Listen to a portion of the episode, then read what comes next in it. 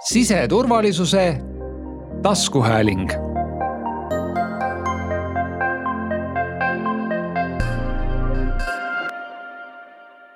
tere päevast, oleme taas eetris siseturvalisuse taskuhäälinguga. tänane saade on natukene erilisem, sest teeme lühemalt, aga teeme olulistel teemadel. räägime meie kantsler Tarmo Miilitsaga Ukraina teemadel tere, Tarmo, oleme su kinni püüdnud neil äh, kiiretel päevadel. aitäh, et sa said tulla. tere! räägi meile lühidalt, mis olukord praegu on, sest ma arvan, et ei ole inimest, kes Eestis ei tea, mis meil äh, naabrite juures toimub, seega ei hakka pikemalt äh, sissejuhatust tegema.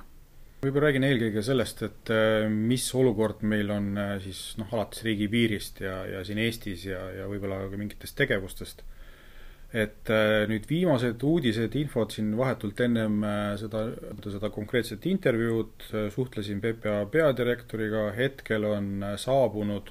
seoses sõjalise tegevusega seal Venemaa poolt Ukrainas, on saabunud põgenikke kuskil suurusjärgus kakssada Eesti piiridele. Eesti piiride peal on vastas nii Iklas kui Valgas, ehk siis meie suuremates piiripunktides, on äh, politseinikud, kes on moodustanud sellise nagu infopunkti, kus nad saavad jagada siis äh, inimestele, kes põgenevad sõja eest, äh, on liikumas kas läbi Eesti siit Soome oma sugulaste juurde või on Eestisse tulemas oma tuttavate sugulaste juurde mm, või turvalisse kohta Eestisse siis jagame neile infot, meil on välja töötatud flaierid. Äh,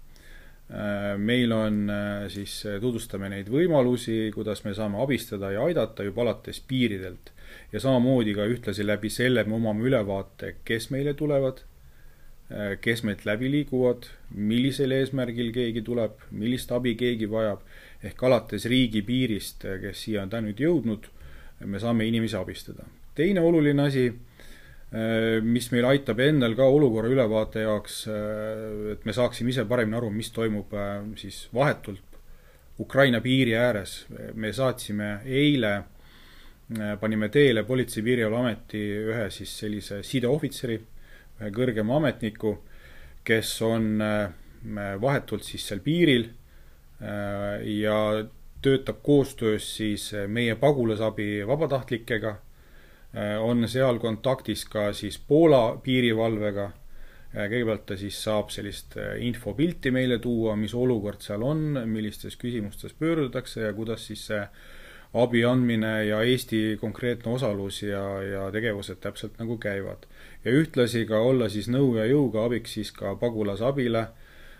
siis vabatahtlikule organisatsioonile, kes seal väga tugevalt toimetab ja anda siis ka riigipoolset, olla riigi poolt seal esindatud ja rääkida ka, milline on siis meie sellised konkreetne siis äh, võimalused ja ootused kogu sellele protsessile, et äh, alati selliste suurte kriisidega äh, vabatahtlikud hästi aktiivselt käivituvad. ja nüüd on oluline see, et meie kõigi, kõiki, kõikide panus on ülioluline ühest küljest, vabatahtlike panus on ülioluline, aga oluline on riigi poolt seda protsessi juhtida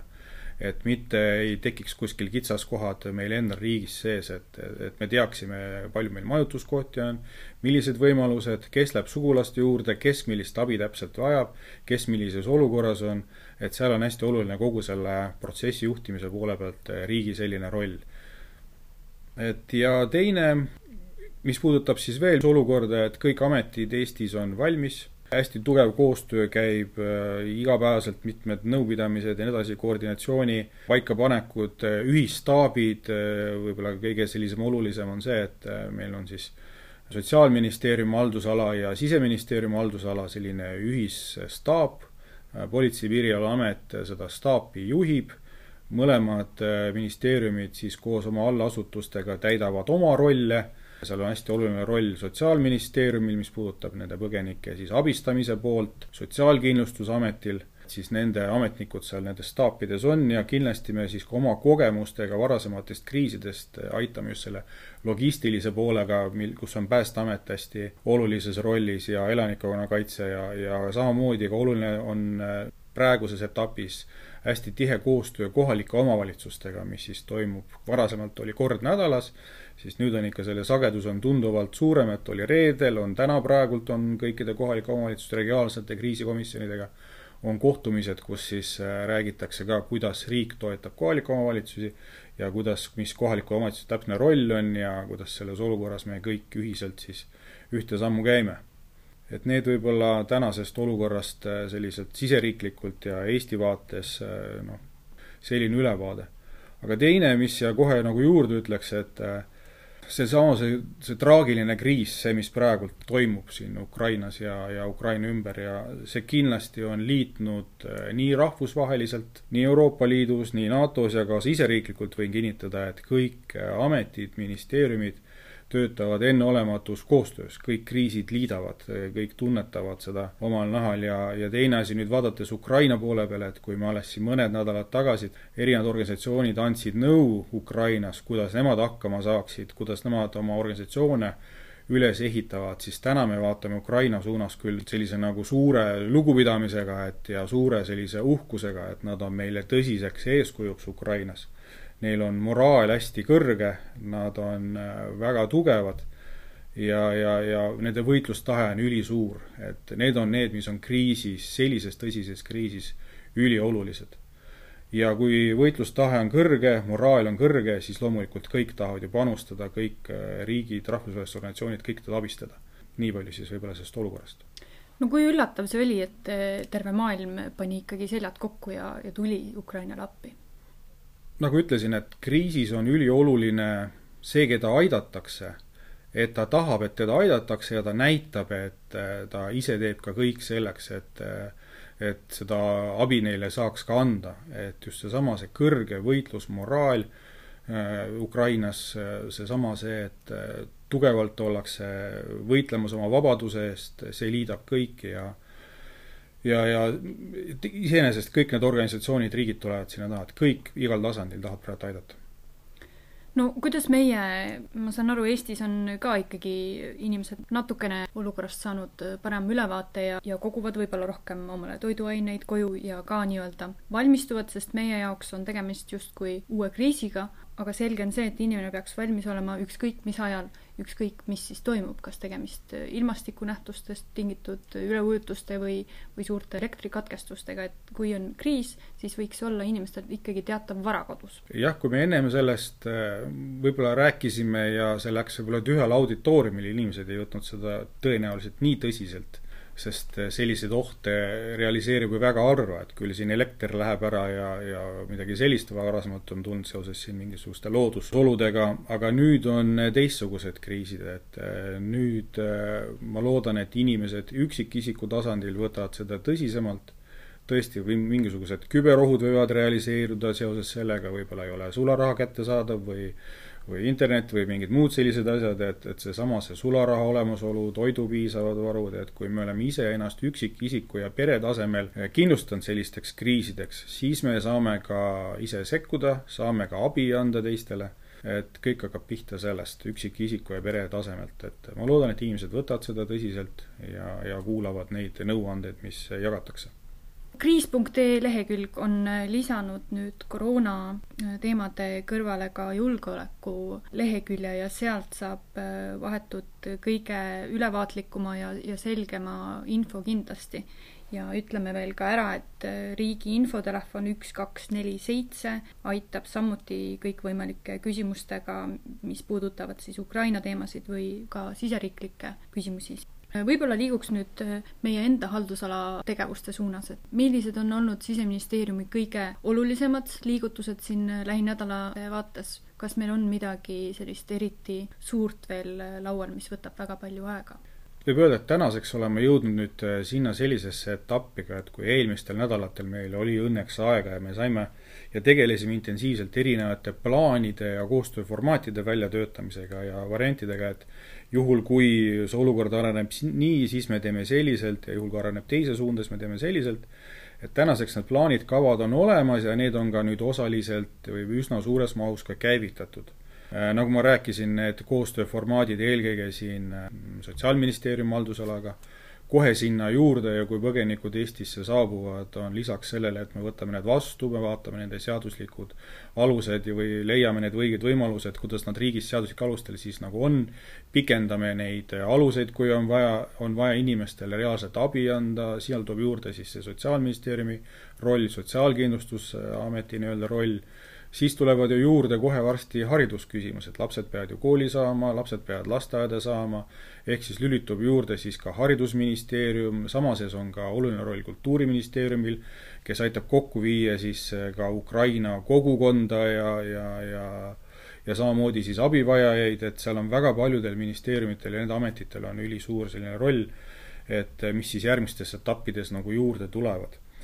et see on siis nagu koostööformaatidest ja kavadest ja teine on siis see, et me oleme ise praktilist abi saanud anda Ukrainale. me oleme saanud abi anda nii Päästeameti varustuse näol, millest oli ka siin meediakajastus, see on üks, teine on, me oleme ka üle vaadanud oma vahendid ja varud, mida me oleme samamoodi saanud siin saata siin läbi Kaitseministeeriumi, läbi erinevate selliste tarneahelate juba ka Ukrainasse et ka meie oleme oma kaitsevarustust äh, siin väljastanud siin nii kuuliveste ja muud, muud varustust, kuhu ei tahaks võib-olla detailidesse nagu minna. et ka meie praktiline abi on juba Ukrainas kohal. siis on üliolulist rolli meile mängib see sideohvitseri saatmine Poola, mis on kohal, kes on kohal, praegu loob kontakte eelkõige pagulasabiga, meie Eesti siseorganisatsiooniga ja Poola siis piirivalve äh, ametnikega, et seda protsessi koha pealt siis koordineerida ja siis samamoodi oleme olnud korduvalt kontaktis meie Ukraina kogukonnaga, kes elab Eestis. oleme selgitanud olukorda, oleme saanud nende poolt tagasi siis teadmise võimalustest, kuidas nemad saavad abistada, kui palju nemad saavad majutada, kuidas nemad saavad juurde liituda, küll vabatahtlikena, küll ukraina keele oskajatena ja nii edasi, et neid kõiki võimalusi oleme siis juba teinud ja juba neid ka kaasanud. et nad annavad väga suure olulise panuse ja oleme ka pikendanud siis äh, ukrainlastel, kes viibivad Eestis, aga erinevad siis äh, siin viibis alused näiteks hakkasid siis kas aeguma või otsa saama, oleme ka pikendanud automaatselt äh, Politsei- ja Piirivalveameti poolt siis ka siin viibimise aluseid. ja samamoodi ka oleme siis üle vaadanud näiteks täiendavad võib-olla sissesõidukeelu rakendamise võimalused, kui on vaja isikutele, kes siis ei ole siin riigis oodatud tulenevalt nende äh, mingisugusest ohtlikkusest või, või, või mingitest ohtudest, mida nad võivad põhjustada, et oleme ka üle vaadanud nii-öelda need mustad nimekirjad ja valmis ka neid täiendavalt kehtestama. Ja samamoodi kogu see sanktsioonide pakett,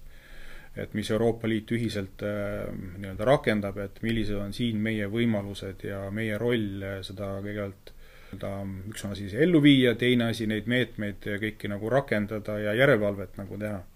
et need on need valdkonnad, kus me aktiivselt toimetame ja muidugi üks, kaks, neli, seitse, veel kord üle korrata, et äh, kohad, kuskohast äh, seda infot siis hankida, et kõigepealt, kui tekib mingisugune küsimus seoses Ukraina kriisiga, kas ma tahan abistada või, või kust kelleltki infot saab, minge lehele www.kriis.ee. kui te sealt ei leia küsimustele vastust, siis järgmisena ööpäevaringselt töötab infotelefon üks, kaks, neli, seitse, kuhu siis erinevad ministeeriumid oma teemasid annavad, seal on sellise küsimuste-vastuste list ja ametnikud ja vabatahtlikud samamoodi oskavad sellelt üks, kaks, neli, seitse telefonilt siis teile vastata. või siis edasi suunata, kus saab täpsemat infot. ja mis puudutab põgenike abistamist, et seal on siis oluline see pagulasabi roll, ehk siis pöörduda siis pagulasabiorganisatsiooni poole, kellega ka meie teeme siis tugevat koostööd et kuidas konkreetselt juba siis äh, mingisugust abi anda, et neid abi osutamise nii-öelda pakkumisi on olnud väga palju väga,, väga-väga palju siin Eestis, erinevate organisatsioonidest kuni üksikisikuteni välja oluline on see, et riik suudaks neid nüüd kanaliseerida õigetesse kanalitesse, et meil ei tekiks endal, et me ise ei tekitaks mingisugust äh, selliseid konfliktikohtasid meil endal sees, et äh, toome võib-olla tohutu palju inimesi korraga kohale, aga me korraga ei suuda võib-olla nii palju inimesi korraga abistada, et, et see kõik, need vood oleksid suunatud, siin on oluline riigi roll no kui hästi me oma vabatahtlike ja selliste abipakkumistega praegu hakkama oleme saanud? Sisetunne on see, et me oleme nii-öelda saamas neid asju ilusti nüüd kokku lepitud raamidesse, riigis siis nii-öelda erinevate ministeeriumite, asutuste vahelised koostööformaadid käivad ja samamoodi ka oleme siis suutnud äh, seda vabatahtlust, seda formaati siis, äh, siis samas siis koostöös hoida ja kõik need siis need info liikumised, asjad paika panna, et, et see kõik toimuks koordineeritult, et tahaks loota, et kõik läheb sujuvalt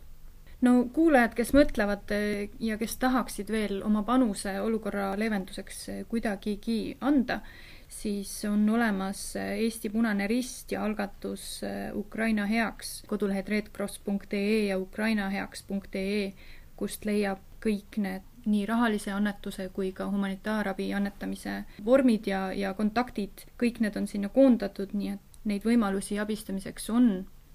Tarmo, mis sa tahaksid öelda nüüd äh, siia lõpetuseks meie, meie inimestele siin Eestis, kuidas nad peaksid edasi toimima? proovime kõigepealt jääda ise rahulikuks, see sõda ja sõjaline tegevus ja sellega kõik kaasnev, see häirib meid kõiki, see on täiesti uus olukord ja stressiolukord, mõtleme kõigepealt see, et me ise oleme kriisis võimelised reageerima, see, et meie pered äh, samamoodi tunnevad ennast kindlalt, see, et meil koostöö toimuks äh, riigi ja vabatahtlike organisatsioonide vahel koordineeritult ja oleme valmis igakülgselt siis Ukrainast siia saabuvaid inimesi abistama. Need oleksid võib-olla sellised põhi, põhisõnumid. ja kindlasti jah, et mis siin nüüd on tulemas juba homme, nagu rääkisin, et meil on piiri peal juba täna mingid täiendavad tegevused, vajadusel oleme valmis veel Kaitseliitu kaasama, vajadusel oleme valmis veel piiri peal rangemaid tegevusi tegema, seal ka piiri nende punktide vahel. ja täna võin öelda, et see, mis puudutab meie idapiiri, et piir on kaitstud, me ei ole märganud mingisuguseid tegevusi või ohte, millele ma peaksin siin äh, tähelepanu tooma või rõhuma. Et äh, see, mis puudutab idapiiri, rahulik, meil on kaitstud, meil on täiendavad tegevused seal planeeritud, mis puudutab sisepiiri, eelkõige Lätiga, äh, oleme valmis käivitama siis täiendavaid tegevusi no olgu öeldud veel kord, et Eestile otsest sõjalist ohtu ei ole ja meie välispiir on rahulik ja Eesti toetab igati ka Ukrainat ja Ukraina inimesi.